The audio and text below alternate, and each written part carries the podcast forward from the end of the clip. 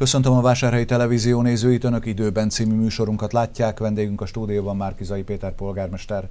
Jó napot kívánok! Jó napot kívánok! Polgármester úr, Hódmezővásárhelyen most az a legjobban pörgő hír, hogy Varga Anikó, a BFMK igazgatója beadta felmondását. És azóta elindult egy üzenetváltás részben a sajtóban, és főképpen a közösségi oldalakon. Milyen vita zajlik önök között, a polgármester és Varga Anikó igazgató között? Például adott-e ön fegyelmit Varga Anikónak? Nem adtam. Azt hiszem, hogy egy, egy figyelmeztetést adtam neki két évvel ezelőtt, amikor az ifjúsági klub megnyitóján valótlan és politikai tartalmú kijelentéseket tett a színpadon mellettem. Ezt nyilván ott az ember úriemberként szó nélkül hagyja, de utána egy írásban figyelmeztettem, hogy kérem, hogy ne tegyen ilyen többet.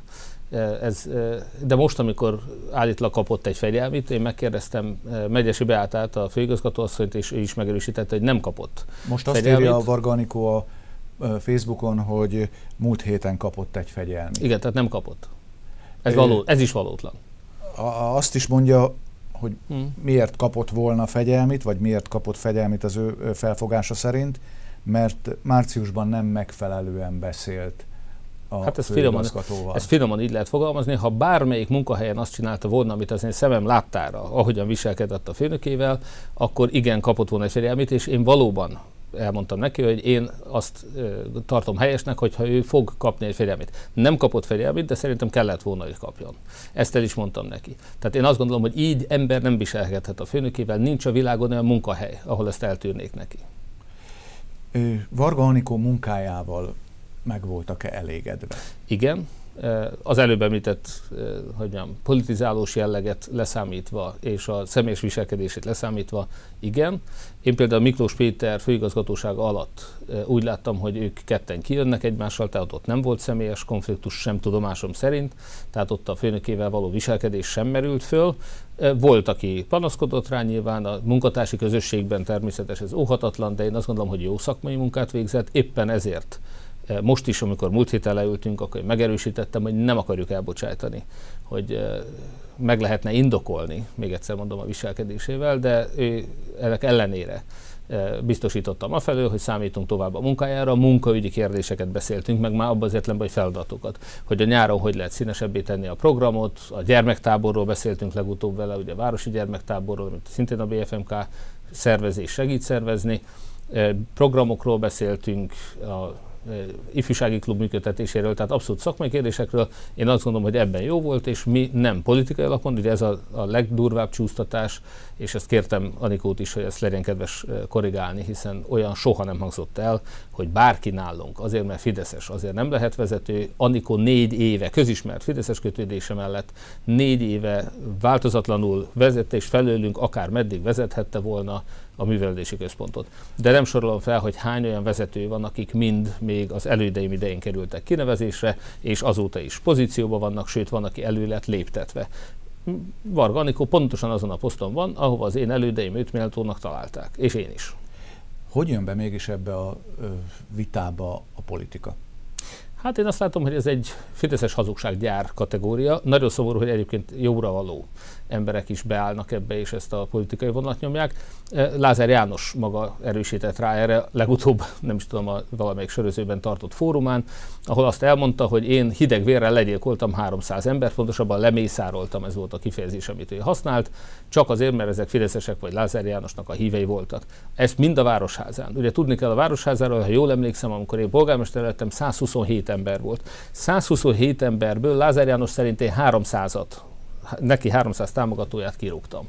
Eh, annak idején erről még egy eh, vizsgáló bizottságot is fölállított, akkor azt hiszem Kovács doktor úr vezetésével fölállítottak, egyetlen egy embert nem tudtak mondani, akit én politikai jogból kirúgtam volna.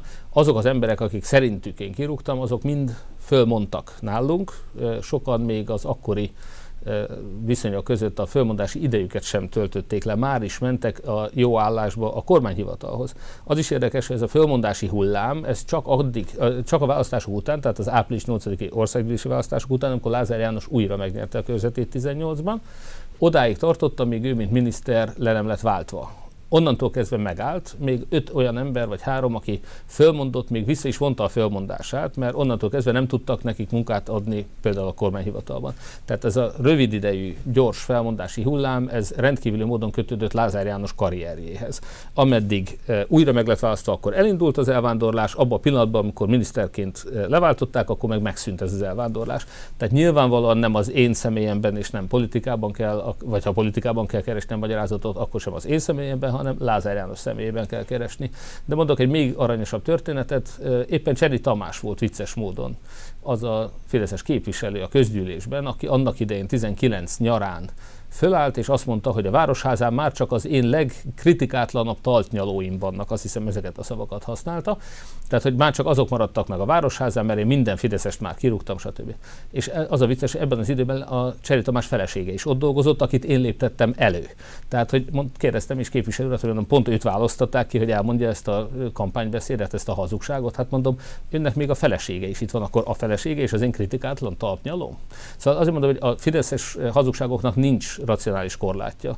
Eh, Hódműzővásárhely példát mutatott. Szeretetben, elfogadásban nálunk nem politikai alapon nevezik ki az embereket, sem nem politikai alapon váltják le. Képességeik és a város iránti szolgálatuk határozta meg, éppen ezért bár Varganikó többször szerintem is elfogadhatatlan viselkedett, de a munkájával meg voltam elégedve, és most is biztosítottam, hogy folytathatja a munkáját. A politikai vonalhoz térjünk azért még vissza. Az ifjúsági klub megnyitója kapcsán mégiscsak politikai összezördülés volt. Nem összezördülés volt, én figyelmeztettem rá, hogy ne politizáljon a színpadon, és nem mondjon valótlanságokat. Még egy utolsó téma állítás ezzel kapcsolatban. Mondott-e ön olyat Varga Anikónak, hogy már csak kettő kell már, mint mm-hmm. fegyelmiből, és el tudlak küldeni? Ez sem így van. Természetesen bárkit el lehet küldeni bárhonnan, tehát nem kell egy, kettő, három fegyelmi, szó sincs róla. Kapott egy figyelmeztetést, és elmondtam neki, hogy ha ez ismétlődően előfordul, igen, akkor természetesen nem fogom tudni megtartani, ott nem fogom megtartani. Tehát, hogyha ő folyamatosan ezt folytatja, akkor valóban nem tartottuk volna meg. De még egyszer mondom, ez, az, ez egy figyelmeztetés volt Anikónak, hogy ezt ne csinálja.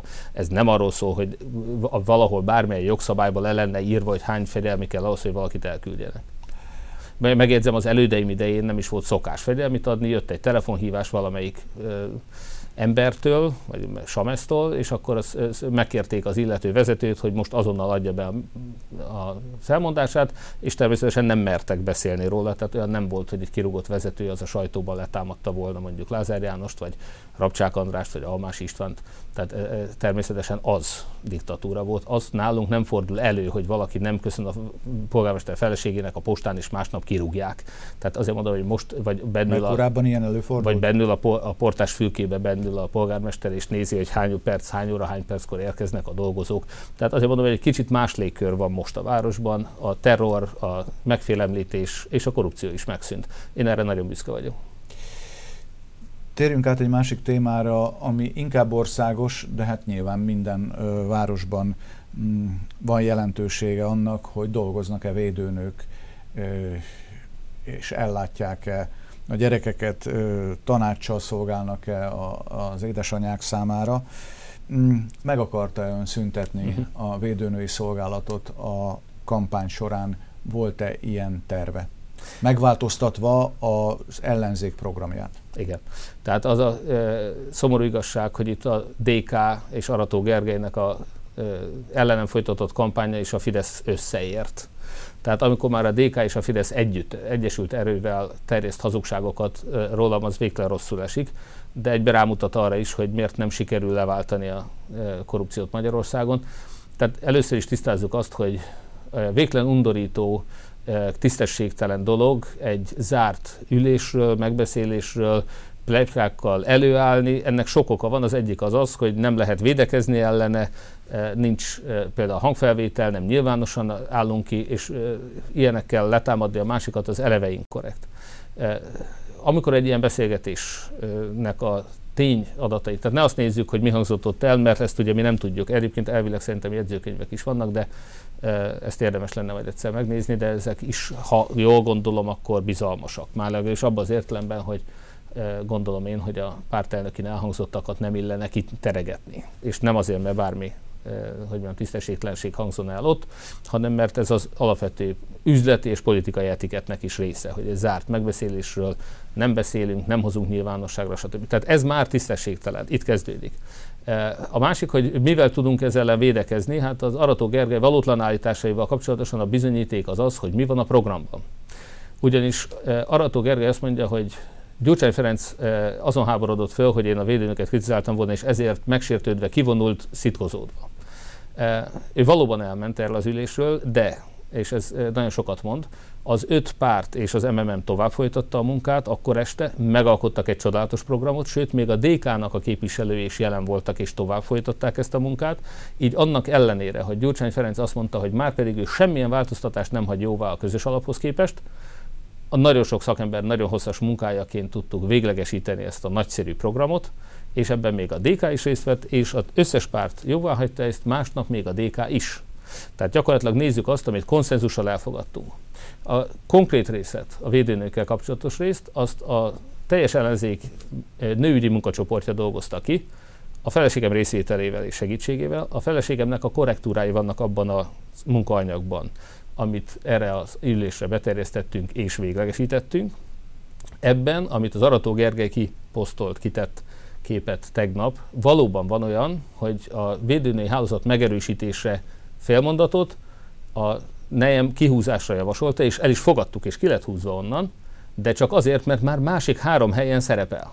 Tehát magyarul nem arról van szó, hogy mi azzal nem értettünk volna egyet, hanem azért került kihúzásra, mert nem oda illet. Nem oda illet. Amikor az egészségi dolgozókról beszélünk, akkor pont a védőnőket miért kell kiemelni? Akkor ez nem egy változtatás volt, hanem egy korrektúra. Ez egy, korrektúra, egy szöveg, szövegszerű korrektúra volt, nem tartalmi, hanem formai kérdés, és én becsatoltam egy képet arról, amit valamiért Arató Gergely nyilván nem túl jó indulattal elhagyott, hogy a nejemnek a korrektúrájában ő minden ilyen változtatást indokolt, és ott pontosan ez van. Tehát ennél a kihúzásnál az szerepel, hogy ez már más helyen szerepel.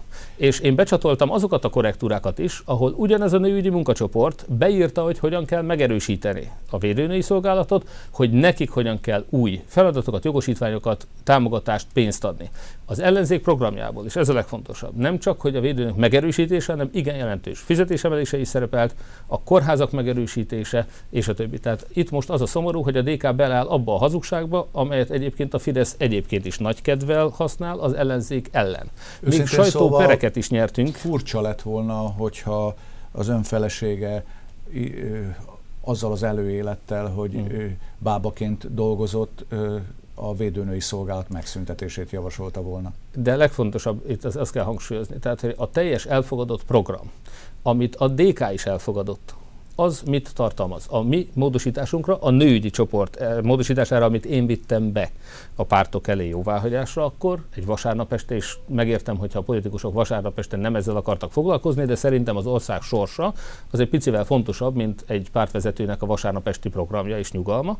Tehát ezzel együtt is én azt gondolom, hogy felelősséggel mondhatjuk, hogy ez egy remek program volt, sok jó kompromisszummal, sok jó megoldással, javaslatokkal együtt véglegesítettük és együtt fogadtuk el. Meg kell nézni, hogy mi van leírva ebbe a programba. Ebbe a programba pont a mi javaslatunkra nem csak, hogy benne van, hanem ki lett emelve, ki lett egészítve a védőnők feladatkörének kiegészítése, megerősítése, fizetésük emelése, és a többi. Tehát pont fordítva. Ez egy szimpla az... hazugság, de még egyszer mondom, eh, az, hogy az ellenzék eh, saját magát veri szét, egymás ellen rágalmaz, hazudozik, bizalmas megbeszéléseket tereget ki a sajtónak, ez mutatja azt, hogy valóban ez az ellenzék legalábbis a DK biztosan nem is akar győzni.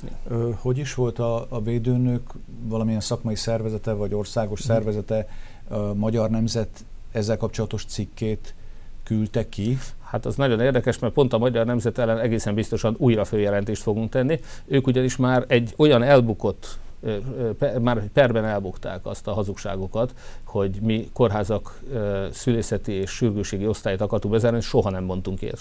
Hamis idézettel kampányolt a Fidesz. Tehát úgy idézőjelben rakták, mintha én mondtam volna valaha hát ilyet. egész pontosan a, a békemenetet szervező ö, alapítvány, KFT-je hirdette ezt óriás plakátokon.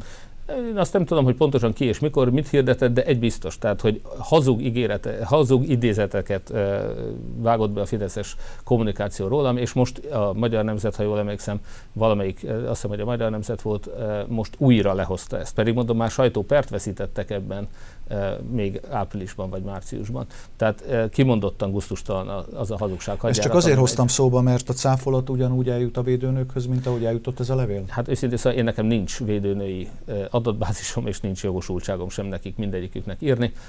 A Fidesz pártállamának éppen az a lényege, hogy én hiába mondom el százszor, hogy nem vinnénk katonákat Ukrajnába, nem telepítenénk be migránsokat, mint a Fidesz, és megemelnénk az egészségi dolgozók fizetését, és megerősítenénk a védőnői szolgálatot, és nem leépítenénk, hogyha a Fidesz az én száz elmondásommal szemben 10 millió embernek tudja hatékonyan eljuttatni a hazugságokat. Beszéljünk néhány ö, városi ö, történésről.